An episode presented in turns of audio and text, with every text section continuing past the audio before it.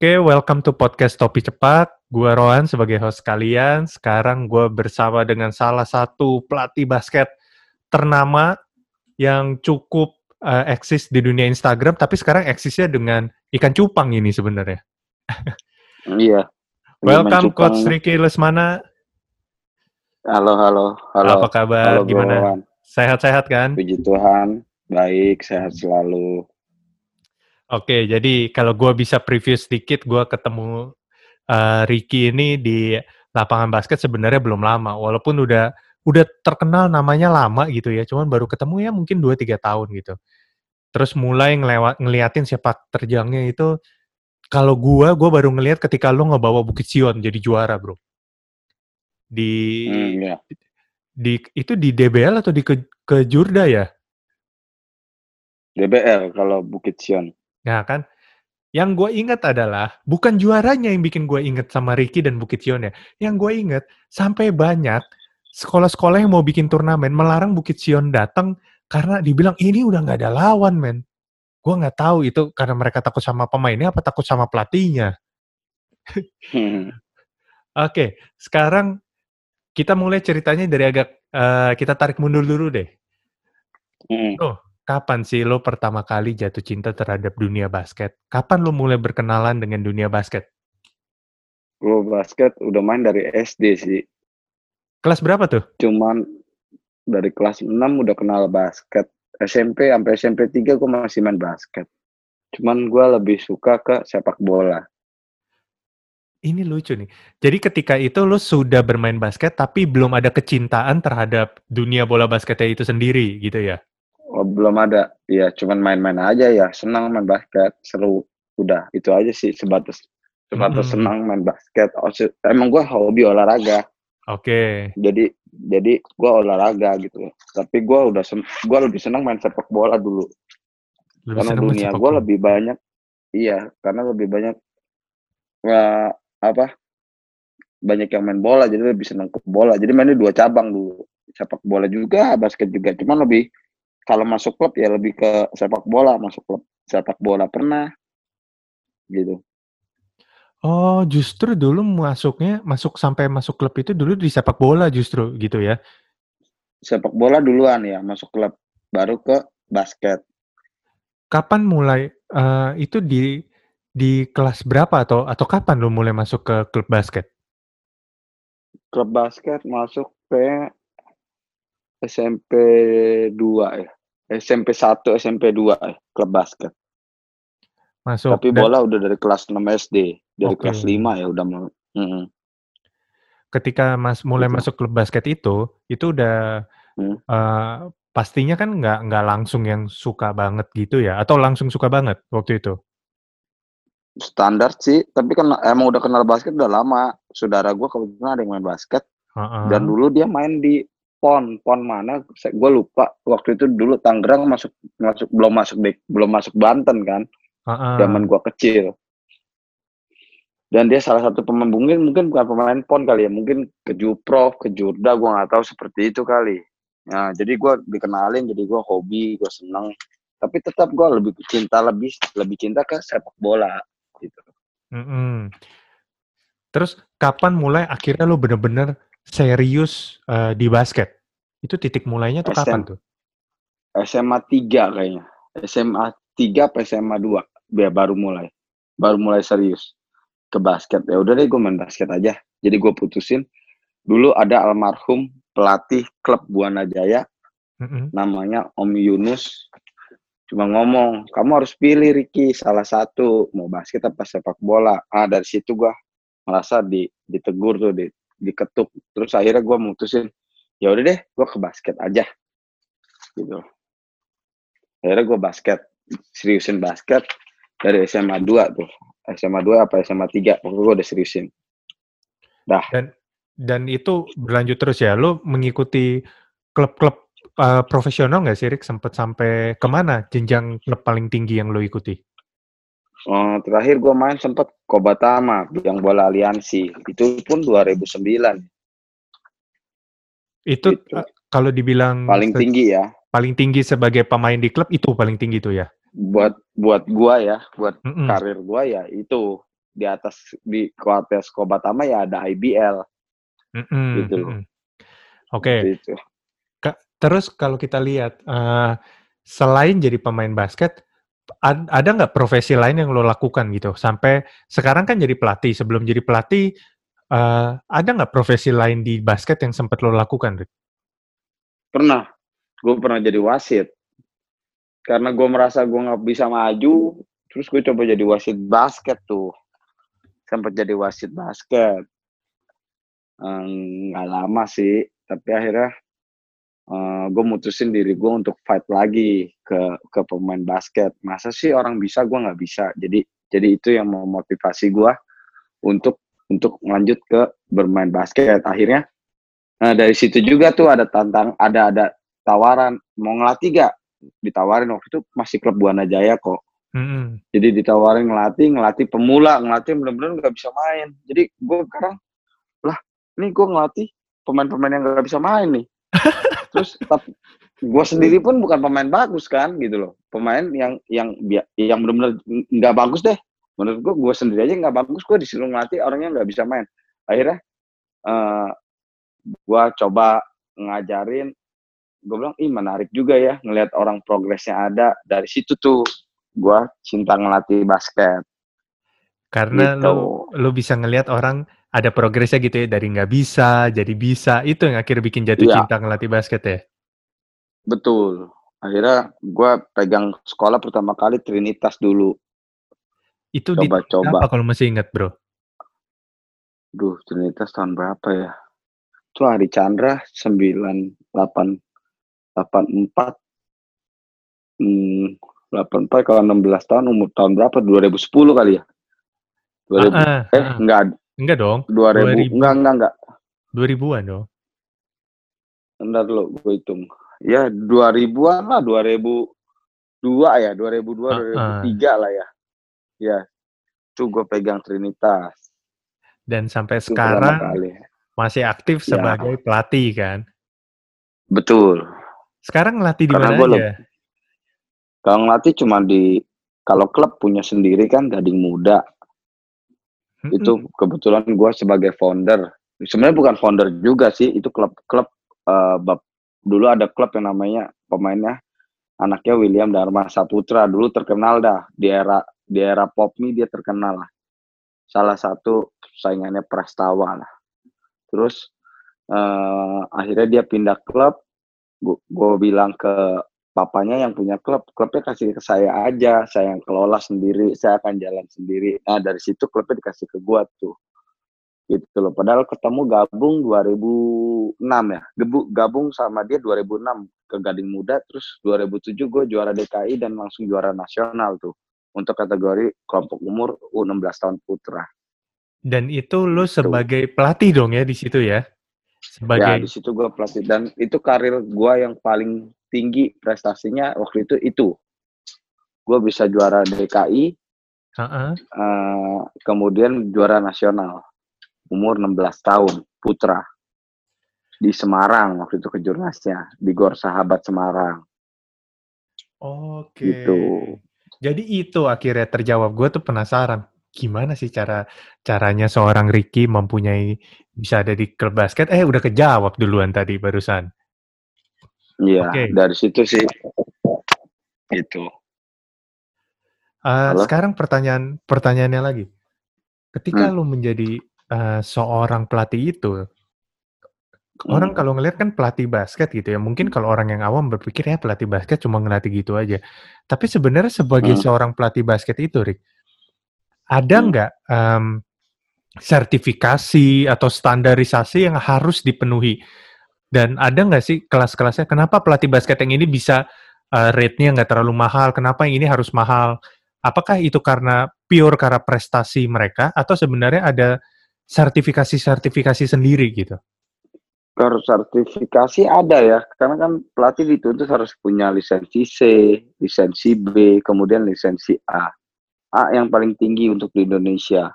Sebenarnya yang paling bagus ya FIBA, dia bisa ngelatih eh, tim nasional ya, lisensi untuk untuk udah FIBA udah tingkat internasional lah namanya. Cuman kalau menurut saya untuk untuk harga gitu uh, itu tergantung orang lah ya.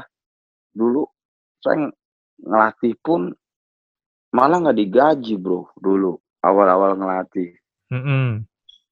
Wah gajinya kecil deh, pahit, nggak nggak bisa dibilang uh, bisa hidup dari basket nggak bisa kita jawab pasti nggak bisa. Cuman karena hmm. kecintaan sama bola basket, terus udah nanggung, jadi gue pernah kerja, gue keluar, akhirnya gue putusin ngadu nasib di bola basket. Dari situ, um, pembuktian deh, gue bisa hidup gue dari basket. Wah, pahit deh. Pahit banget kalau ngelatih sekolah juga. Dulu pahit. Terus kalau dibilang range, itu tergantung kita ya. Negonya sama orang. Ya kalau dulu sih awal-awal pahit lah.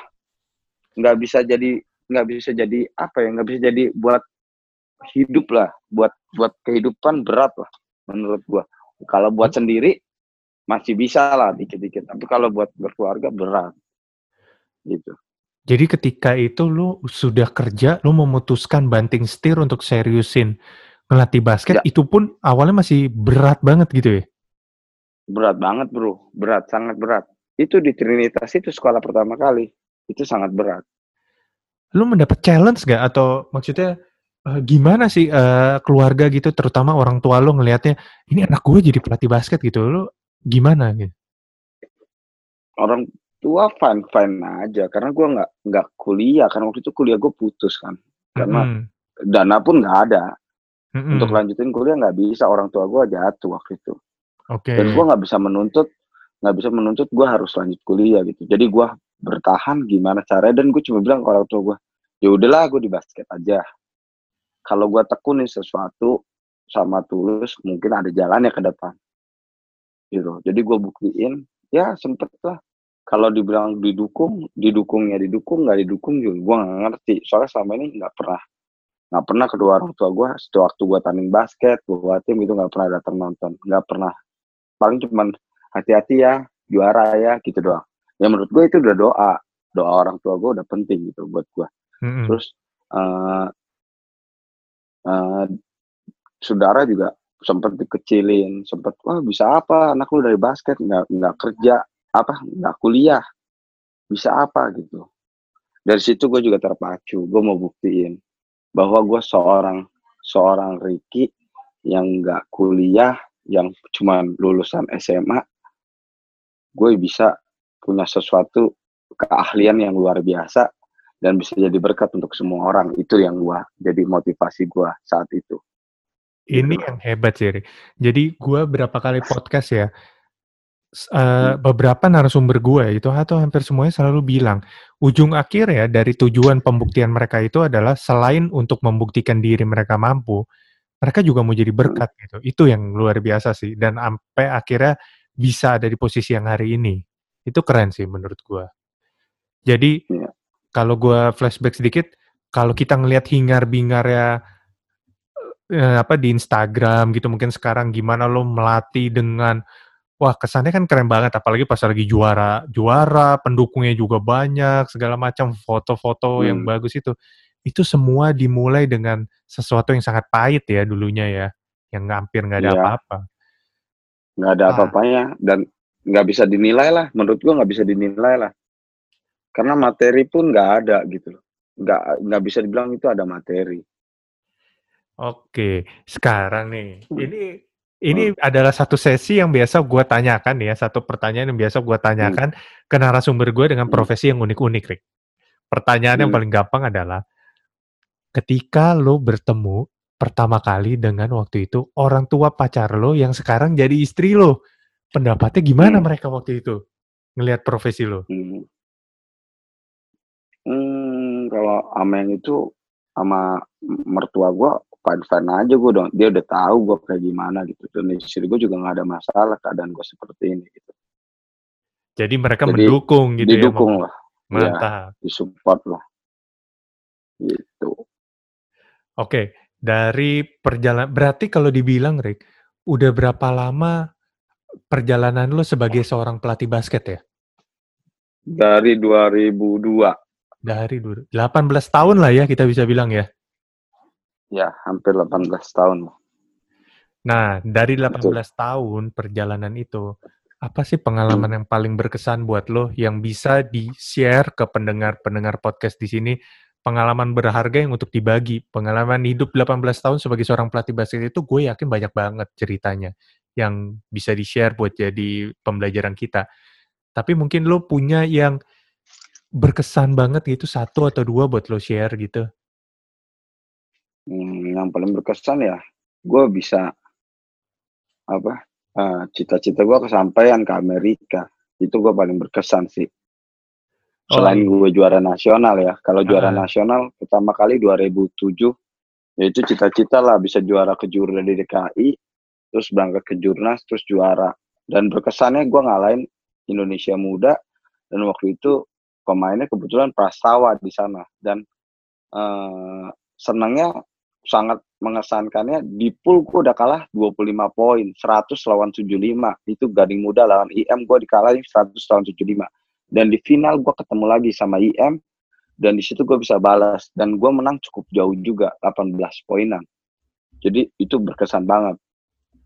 Terus yang paling berkesan lagi dulu, ya DBL lah 2013. Gue ikutin DBL udah lama kan, dari Mhm. 2010 ya, dia di Surabaya gue ikutin, apa 2009 ya, gue lupa, pokoknya gue ikutin, gue suka searching-searching.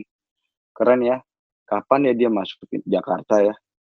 Kan ada gosip dia nggak bakal masuk, terus gue bilang, "Ah masa sih, suatu saat gue pasti akan ada di situ," gue gituin. Itu sih cuman cita-cita gue ya, terus Mhm. eh ya sekarang jalannya terbuka, terus tiba-tiba gue di Bukit Sion, ya terbukalah semua jalannya lah. Terus tiba-tiba gue juga gue pergi berangkat ke Amerika. Terus berkesan banget sih menurut gue, eee, hasil kerja keras kita nggak bisa dinilai dengan apa pun dan proses yang bagus, proses yang baik, eee, akan menuai hasil yang baik menurut gue sih itu. Jadi proses itu nggak akan pernah mengkhianati, eee, hasil ya? Hasil, betul. Oh iya, itu s luar biasa sih. Gue inget banget ketika ketika gue ngeliat Instagram-nya Ricky berangkat ke Amerika, terus ketemu Jordan Lowry waktu itu kan, gue bilang, "Keren nih orang nih bisa barengan." Sempet ada satu sesi latihan bareng kan waktu itu ya? Ya, itu 2018, itu gua ke Amerika untuk kedua kalinya, Bro. Wah, itu udah Jadi yang kedua pertama kali ya? kali iya, pertama kali 2013 dan itu ke ke San Francisco dan, eee, ngerasain Sleep Train Arena, Sacramento Kings. Gua bertanding di lapangan itu, Bro.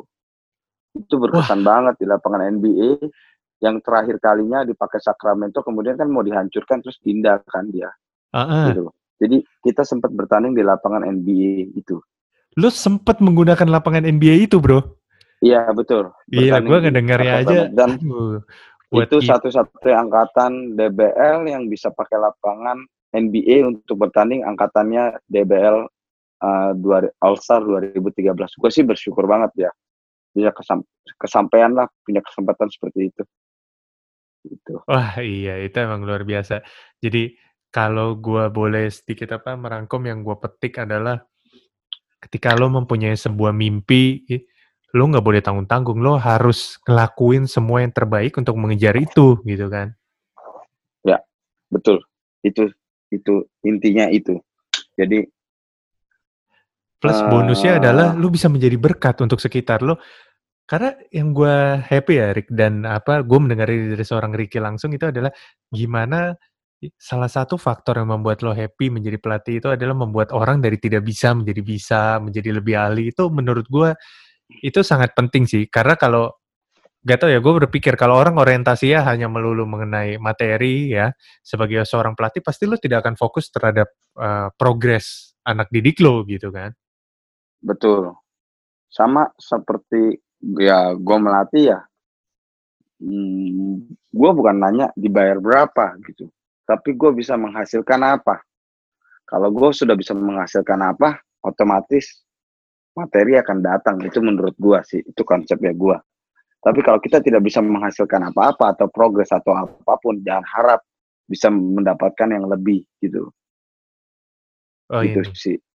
Ini benar banget ini benar Gitu. banget. Karena apa ya itu balik lagi hasil itu nggak akan pernah mengkhianati prosesnya gitu. Kalau lu sudah memberikan sesuatu yang baik ya materinya akan datang dengan sendirinya. It's about time aja gitu.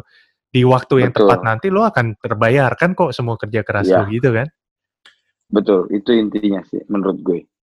Menarik. Nah, untuk ke depannya nih, Rick, kalau kita bicara, apa cita-cita dari seorang Ricky eh, untuk ke depannya? Apa yang masih pengen lo kejar di bidang ini? Namanya kan cita-cita gitu, harapannya gitu kan. Hmm. Ya, ya cita-cita gue pengen suatu saat gue pegang timnas senior dan bisa uh, membela Indonesia di di SEA Games untuk timnas senior. Untuk untuk pelajar gue udah ngerasain kan Asian School Game gitu. Mm-mm. Dan gue berhasil perak kemarin di 2018 gue berhasil perak. Gitu. Jadi cita-cita gue pastilah pegang timnas senior dan bisa tanding di SEA Games, baik itu jadi asisten pelatih atau apa pun. Pastilah itu cita-cita lah.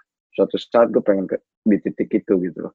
Lo pengen berada membawa apa timnas basket Indonesia di kancah internasional gitu ya. Kita mengangkat Ya. ke level itu. Amin lah cita-cita itu bisa bisa tercapai. Amin amin. Oke bro, kalau ada sebelum aksesinya diakhiri nih, kalau ada pesan-pesan untuk para kan kita lihat sebenarnya generasi muda Indonesia ini sudah mulai banyak kalau yang jatuh cinta terhadap uh, dunia basket ya dan kita lihat sebenarnya di Instagram aja paling gampang gitu kita ngelihat gimana anak-anak kecil udah mulai latihan basket sendiri gitu. Sebagai Hmm. seorang yang sangat cinta ke basket dan seorang pelatih apa pesan yang ingin lo bagikan ke generasi muda di Indonesia yang uh, ingin berkarir atau mungkin ingin berkarya di dunia basket ini? Hmm, kalau untuk pesan-pesannya paling gue cuma bilang ya lu uh, semangat terus latihan kerja keras. Jangan mikirin wah nggak ada bakat. Uh, menurut gua itu bullshit lah lo ngomong nggak ada bakat. Gue juga dulu nggak ada bakat gitu. Hasil kerja keras gua gue bisa jadi pemain kok berarti semua orang bisa mencapai titik tertingginya jika disertai dengan usaha yang lebih dan disertai dengan semangat yang luar biasa. Jadi jangan give up lah. Lu harus terus berusaha mempunyai mimpi yang indah, mimpi yang tinggi dan kerja keras yang luar biasa. Jadi nggak perlu nggak boleh nyerah. Jadi lu pasti bisa sampai di titik itu. Lu pasti bisa jadi pemain basket gitu. Satu lagi pesan gue cuma satu, jangan lupa sama sama sekolah, sama pendidikan karena menurut gue itu juga penting, sangat penting malah. Dari situ kita akan punya batu lompatan. Dari bola basket tuh bisa ke sekolah yang lebih bagus. Mungkin dengan uh, uh, beasiswa atau apa. Ya, sekarang kan lagi tren. Nah, Ya, menurut gue sekarang kan berarti sudah mulai diperhatikan. Nah, dari situ kita kesempatannya kita gunain dari bola basket.